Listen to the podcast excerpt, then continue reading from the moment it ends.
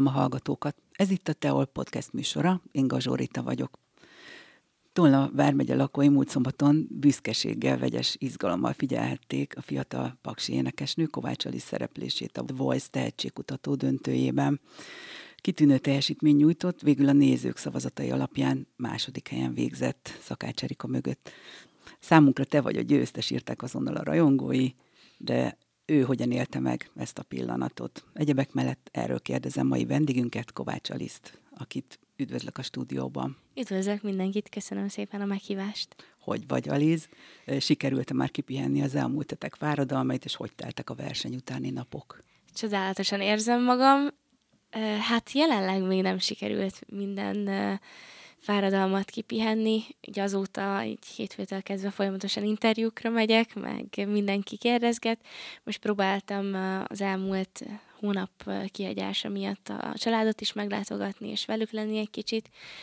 Úgyhogy pörgősek még így is a napok, de hát nyilván azért az a folyamatos, tudatosan ott voice-ban való tevékenykedésen kívül így sokkal egyszerűbb az élet.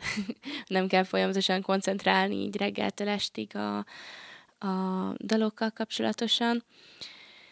Ö, így a verseny után mindenki azt mondta, hogy hú, majd biztos lesz bennem egy űr, és hogy furcsa lesz így visszatérni a hétköznapi életbe, de egyelőre még nem érzem így, még teljesen kitölti így az egész életemet, az egész lelkemet az, hogy, hogy most egy hónapon keresztül csak ez volt. Hogy élted meg a végeredményt, a második helyezést a, és a családod? Mit szólt hozzá? Én nagyon örültem. Én nagyon szurkoltam az Erikának. Én nagyon, nagyon-nagyon megszerettem, és nagyon bíztam benne, hogy ő kapja meg, mert nagyon megérdemelte. Szerintem hihetetlen tehetség, és annyira elképesztő, hogy 18 évesen ilyen hang van benne, és nagyon, nagyon sok munkát fektetett bele, úgyhogy én, én bíztam benne, hogy igazából mindegy volt. Nem is az, hogy bíztam, hanem hogy mindegy volt, hogy melyikünk, mert mind a kettőnknek szerintem az volt a legfontosabb, hogy Eri anyut így körbeölelve ott álljunk a végén, és ez sikerült, úgyhogy az már teljesen mindegy volt, lényegtelen, hogy, hogy most melyikünk fog azzal a bizonyos nyereménnyel hazatérni. A családom nagyon örült, ők ott tudtak lenni a végén is, úgyhogy mind a hatan tudtak eljönni így a családból, és mind a hatan ott büszkeséggel tekintettek rám a, a nézőtérrel, úgyhogy nagyon, nagyon jó érzés volt szerintem mindannyiunknak, hogy ott a végén állhattunk. Kivéve nagymamát és nagynénit, akik Igen. viszont ő, pakson szurkoltak neked. Igen. Erősítették a Igen, ők ott onnan nézték, onnan szurkoltak. Azóta kiderült, hogy az Erika Szakács Erika is neked drukkolt, tehát kölcsönösen egymásnak drukkoltatok. Ez így hogy, hogy ment? Vagy hogy lehetett ez? Annyira, annyira szoros kapcsolat alakult ki így mindannyiunk között, hogy szerintem tényleg benne is csak az volt, hogy, hogy boldogan támogassuk a másikat, és nem, neki sem az volt a célja, hogy ezt megnyerje, nekem sem ez volt a célom, mi csak szeretünk énekelni, és ezzel, ezzel szeretünk embereknek boldogságot okozni, úgyhogy talán ezért kerültetek a, az élére pont, mert Lehet, a, valaki igen. nagyon görcsösen szeretne valamit, akkor nem biztos, uh-huh. hogy mhm. sikerül elérni a célt. Igen. És milyen tapasztalatokkal gazdagodtál a verseny által? Hű, hát rengeteget tanultam uh, igazából, amiben nagyon segített, hogy uh, tudatosabb legyek. Ugye ez mindig mondta Eri anyu, Eri anyu is, hogy tudatos énekesek legyünk. Ez abban mutatkozott meg, hogy már nem csak a színpadon vagyunk énekesek, hanem a hétköznapokban is, a mindennapjainkba bele beleívódott az, hogy úgy kelljünk, úgy feküdjünk, hogy mi énekesek vagyunk, és foglalkozzunk a hangszálunkkal akkor is, amikor nem éneklünk, hiszen nekünk ez a munkánk, és úgy, mint egy egy villanyszerelő felöltözik, sisak, vagy bármi egyéb, vagy bárki, aki, aki a munkához előkészül, nekünk is elő kell készülni, és megadni azt a módot, azt a felkészültséget ahhoz, hogy jól, jól teljesítsünk, mert elengedhetetlen az, hogy a hangszálaink be legyenek melegítve, hogy odafigyeljünk a testünkre, a lelkünkre, úgyhogy igazából ezt, ebben nagyon sokat segített, ezt nagyon megtanította nekem ez a voice, hogy ne csak akkor legyek énekes, amikor ott a színpadon vagyok, hanem tényleg a, a mindennapjaimba így beleívódott ez a, ez a lét. De azért hatalmas színpadi rutinnal rendelkeztél a verseny megelőzőleg is, mint tudjuk. Szerencsére, igen. De valószínűleg ezt lehetett még fokozni, ha jól sejtem. Hát igen, az mondjuk nagyon vitt előre mindig, hogy tudtam azt, hogy egyetlen egy esélyem van. Hogy egyszer adhatom elő ezt a dalt, és utána nem lesz az, hogy még több dallal meg tudom győzni a közönséget, hogy már pedig jó az, amit csinálok, hanem tényleg egy dalra kaptam mindig lehetőséget, és, és ez persze azért ösztönzi az embert, hogy valami jót produkáljon, úgyhogy igen, az is sokat, sokat vitt előre, hogy az előadásmódom kicsúcsosodjon mindig. Hogy teltek az utolsó hetek? Tehát mondjuk, hogy képzeljünk el egy napot?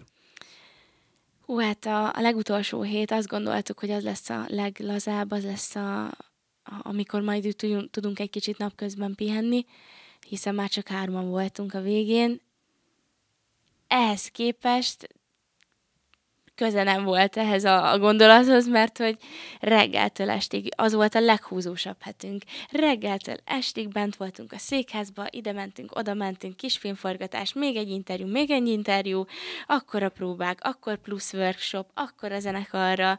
Ú, hát az, az nagyon, nagyon kemény hét volt, és mondjuk nekem ahhoz képest, hogy ilyen keményen zajlottak a, a mindennapok, ahhoz képest nagyon nyugodt voltam, és nagyon ö, azt éreztem, hogy, hogy a lelkemben minden rendben van, és ö, egyáltalán nem, nem éreztem azt, hogy most fáradok, és ez most elfáraszt, és hogy hú, ez így nem lesz jó, így az utolsó hétre, hanem pont azt éreztem, hogy ez, ez így jó, hogy még az utolsó hetet így megtoljuk, és pörgünk ezerre, de közben mindenki már csak így, mint egy, amikor így várják a vakációt, és, és az iskolatáblára így írják fel, hogy ó, jó, vakáció, és akkor ilyen volt konkrétan az utolsó hetünk, hogy akkor csak az, hogy finálé, és akkor így írták vissza a stábtagok is, a, akik dolgoztak ezen az egész műsoron, úgyhogy nagyon nagy élmény volt ez a, az utolsó hét. De és... azért volt mélypont, ugye? Tehát az utolsó előtti hét az egy kicsit úgy tűnt. Egyébként nem így, így, így mutatkozott meg sajnos a tévébe, de az sem volt mélypont. Az utolsó előtti hét az inkább egy ilyen hmm, egy ilyen mély víz volt. Nem is mélypont, hanem mély víz volt olyan szinten, hogy azon a héten kaptam meg a, a dalt, amit énekeltem, a, a jogát, és nem ismertem az eredetit, kedden este fejeztük be, akkor dolgoztuk ki, és hát utána meg kellett tanulnom a szöveget, ami egy, egy swinges dalra tettük át ezt a, a jogának a szövegét, és hát nagyon kellett hadarni, és olyan szöveget, ami, ami, amivel én nem is tudtam azonosulni, és hát nyilván nem kell mindig azonosulni a szöveggel, de az úgy egy kicsit könnyebb általában, és hát ez volt a nagy kihívás, mert pénteken azt gondoltam, hogy már hú, én kész vagyok, nem lesz baj, és egyszer se sikerült a próbán, szombaton az adás előtt is próbáltuk, és e, nem tudtam. Nem és tudtam akkor jól. el magad, ha jól emlékszem. Igen, akkor az énektanárom rám nézett, így lesütötte a szemét, és megrázta a fejét, hogy ez nem lesz jó én megint néztem, hogy de úgy éreztem, hogy ez jó volt. És, és ott teljesen kétségbe estem, és főleg az, hogy akkor még nem volt kész a ruhám, ez meg az egy kicsit uh, fejetetejére állt a világ, de inkább csak bennem. És úgy éreztem, hogy mivel bennem most nincsen uh, magabiztosság, így körülöttem sincs, és akkor teljesen összeomoltam. De szerencsére, amikor az Edith Piaf dallal kezdtem, ott így megszűnt minden létezni, és elengedtem ezt az egész történetet, és már csak arra koncentráltam, hogy jól érezzem magam, ahogy eddig is ezt csináltam, úgyhogy ott visszajött minden életerő, minden a helyére állt, és akkor jött a joga, amikor meg igazából úgy álltam fel a színpadra, hogy nem érdekelt az, hogy most elrontom, vagy nem rontom el, lesz, ami lesz. Úgyhogy végül is így, így így sikerült ez a dal. Hát ö, tegyük hozzá, ennek volt a legnagyobb sikere. Tehát a közönség is borzasztóan tapsolt, és a zsűritagok is odáig voltak, és mindenki dicsérte. Igen, főleg az, hogy szerintem az volt ebben a, a humoros, hogy ugye egy Edith Piaf dalhoz képest ez egy nagyon nagy éles váltás volt, és ez a kontraszt, ez, ez nagyon tetszett az embereknek, hogy így egyikből a másikba így beleugrottam, és, és ez engem is egyébként inspirált, hogy, hogy megmutathassam azt, hogy én ilyenre is képes vagyok adott esetben. Egyébként a dalválasztást azt kinek köszönhetjük? Tehát ezt ki, ki döntött ezekről? Főképp én küldtem be a dalokat, és azok közül válogattak, de voltak például ugye ez a joga, ez nem, nem az én ötletem volt, hanem ezt uh, úgy énekelte volna egy másik versenyző, aki közben kiesett, csak hát akkor már ugye tudta a zenekar ezt a dalt, és akkor jött az ötlet, hogy hű, hát akkor... Mi lenne, ha? Mi lenne, ha? És én nagyon borzasztóan örültem, mert addig nem énekeltem olyan... Uh, hát nem énekeltem nagyon slágereket. Meg ilyen kortás mai Meg mai, dolgokat. igen, főleg, hogy igen. Ma, mai dolgot. És a, a Szécsi Pától lett volna, mint a violák, ami ugyanolyan lett volna kicsit, mint a Katona Klári Hello című dala, és egymás után ugyanazt megmutatni nem annyira érdemes. Egy ilyen műsorban szerintem pont ez a jó, hogy mindig más mutatni, más, más stílust, és ezért volt jó ez, hogy, hogy egy kicsit ebbe is ki tudtam bontakozni, meg hát én szeretem a kihívásokat, úgyhogy ez nagyon motivált előre, hogy, hogy ezt jól elő tudjam adni. Úgy tűnt, hogy a végére nagyon összekovácsolódtatok a csapattal, a többi versenyzővel. Születtek igazi olyan életre szóló barátságok? Igen, igen hihetetlen, nem gondoltam volna az elején, hogy bíztam benne, csak ugye ilyenkor nem tudja az ember előre látni, hogy végül mi lesz, de mindenkivel mai napig, így, hogy már vége lett a, a műsornak, még így is minden nap beszélgetünk, és kíváncsiak vagyunk egymásra, úgyhogy remélem, hogy ez még, még tovább is fog tartani, meg hát azért csak zenészek vagyunk, úgyhogy bízom benne, hogy majd előbb vagy utóbb úgy is majd keresztezi az utunk egymásival, így a versenyzőkkel, mert hogy vannak itt tervek, hogy majd valakivel csinálunk közös dalt, vagy valakivel majd közösen fellépünk, úgyhogy tényleg egy, egy hatalmas élmény volt ez is, hogy a, a kvázi ellenfélnek mondott versenyzőkből hatalmas barátságok szövődtek. Miklós Erikával is elég bensőségesnek tűnt így a ö, kapcsolatotok. Milyennek ismerted meg a világhírű Kossuth Díjas operaénekesnőt? Erika egy elképesztő személyiség. Engem nagyon lenyűgözött első perccel fogva. Ahogyan megnyilván, megnyilvánul, ahogyan ahogyan közli az emberekkel az érzéseit, és ahogyan viszonyult hozzánk az első pillanattól kezdve, nagyon sokat tanultam ebből is, hogy hogyan legyünk jó tanárok, hogyan álljunk jól ö, emberekhez, akiknek szeretnénk valami, valami jót nyújtani és jót átadni. Maga az, hogy szerintem a négy kócs, négy kócs közül ő volt az egyetlen olyan, aki napi szinten kíváncsi volt a, a versenyzőire, és tényleg reggeltől estig nem volt olyan napunk, hogy egyszer ránk írjon, vagy érdeklődjön felülünk. Mindig reggelente kaptunk is hangüzenetet, este is kaptunk hangüzenetet, közben ugye telefonon is felhívott minket, hogyha esetleg nem találkozunk, de általában szinte minden egyes nap találkoztunk vele, mert akkor is bejött, amikor nem kellett volna neki. Úgyhogy hihetetlen egy, egy nő, meg anyuka, és ez, ez nagyon jó volt, hogy barátunk is tudott lenni, anyukánk is tudott lenni, de közben pedig a mesterünk is. És nagyon tényleg rengeteg mindenre tanított minket. Hát igen, nyilvánvalóan a megkerülhetetlen technikai igen. tudása mellett ahhoz is biztos sokat tudott segíteni, hogy ő is ilyen fiatalon talán korodbeli volt, amikor igen. színpadra került nagy opera színpadokra gondolom, hogy ő igen, igen. így a rutinja miatt, és emiatt, hogy ő amikor ilyen korú volt, amikor ebbe belecsöppent, gondolom, hogy sokat tudott nektek is Persze. segíteni. Rengeteget. Főleg az, hogy hogy egy adott dallal az érzéseinket hogyan tudjuk közvetíteni, meg hát azért nagyon sok praktikát is mutatott, hogy ha így tartod a szád, ha úgy tartod a szád, ha közben erre gondolsz, ha közben így érzel. Szóval egy nagyon játékos út volt ez is, hogy, hogy ilyen apróságokat mindig, hogy nem is azon múlott a dal, hogy, hogy most reggeltől estig énekeltük, nem így, nem így készültünk, inkább úgy készültünk, hogy aprólékosan mindig végigmentünk a, a dalon, és, és soronként leírtuk azt, hogy ezt így kell érez, ezt úgy kell csinálni, és nyilván egy idő után beleívódik az emberbe, és el tudja sajátítani, és ez volt a, a fő motivum mindig, hogy apróságokból építkezzünk. Hát most egy kicsit talán kifújtad magad, de úgy tűnik, hogy tényleg csak kicsit, hiszen ezen a héten már fel is léptek az egyik együtteseddel. Ez Igaz. hol és mikor lesz, és ez melyik együttes ez pontosan? Electric soul fogunk Pakson fellépni.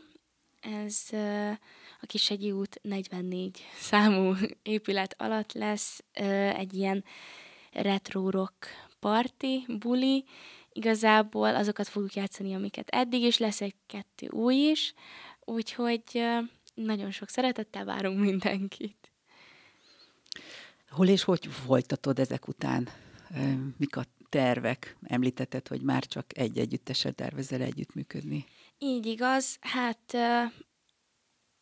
most vannak olyan tervek, hogy ezt a decembert sőt ez nem is tervez, igazából már uh, ki, vagy hát na, igazából ez már ki is alakult, hogy a decembert azt itt Pakson és környéken fogom tölteni, a zenekarokkal még lejátszom, a, amiket lekötöttünk, viszont januártól szeretnék százszázalékosan csak a Crescendo Select a zenekaromra koncentrálni, és velük előre menetelni.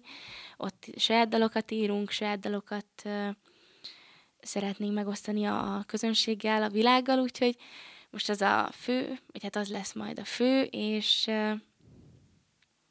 sajnos...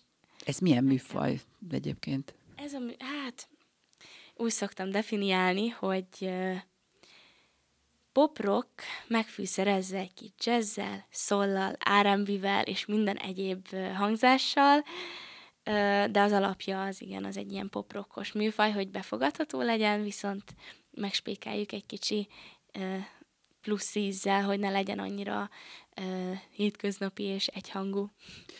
Jazz szakon végeztél a zenei, zeneművészeti szakközépiskolában. Milyen zenék állnak egyébként hozzád közel? Ezek, amiket most említettél? igen, bár én nagyon szeretem a, a retrót, és nagyon sok régi dalt szoktam hallgatni, mm, legyen az magyar, külföldi. Igazából én ilyen nagyon... Mindenevő vagy? Igen, mindenevő vagyok. Szeretem a, a, az, hogy ilyen vegyesen hallgatok mindent is. Többek között nem tudnám meg besorolni magamat egy műfajba, mert tényleg, hogyha olyan hangulatom van, akkor van, hogy csak zongoradarabokat hallgatok. Van olyan pillanat, amikor csak diszkot hallgatok, tényleg bármi, bármi jöhet. A, ami, ami még úgy kívül áll, az a, az a mai, mai uh, magyar zene, uh, egy rétege. Én nekem ez a reppes uh, mai uh, vonulat még, sőt inkább treppes. E, ezzel még nem tudtam mit kezdeni, de meghallgatom, és nagyon tisztelem azokat, akik ezt csinálják, mert tényleg ez is egy, egy zseniális műfaj, úgyhogy még ez van vissza a repertoáromból. Említetted a most szombat estét, ezen kívül így a közeljövőben hol találkozhatnak veled még a paksiak, helyiek, milyen rendezvényeken? Lesz majd Pakson több koncert, főleg advent, és Fadon is lesz egy adventi koncertünk a templomba, lesz majd Tolnán advent, úgyhogy főleg most így az advent fogja körülvenni a, a zenélésemet, de még lehet, hogy lesz egy pár így szexárt környékén, bölcskén, úgyhogy ilyenekre számíthatnak majd tőlem.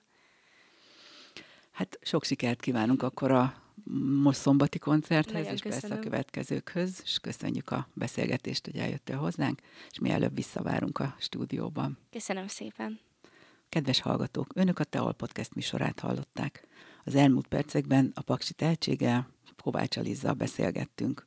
Viszont hallásra!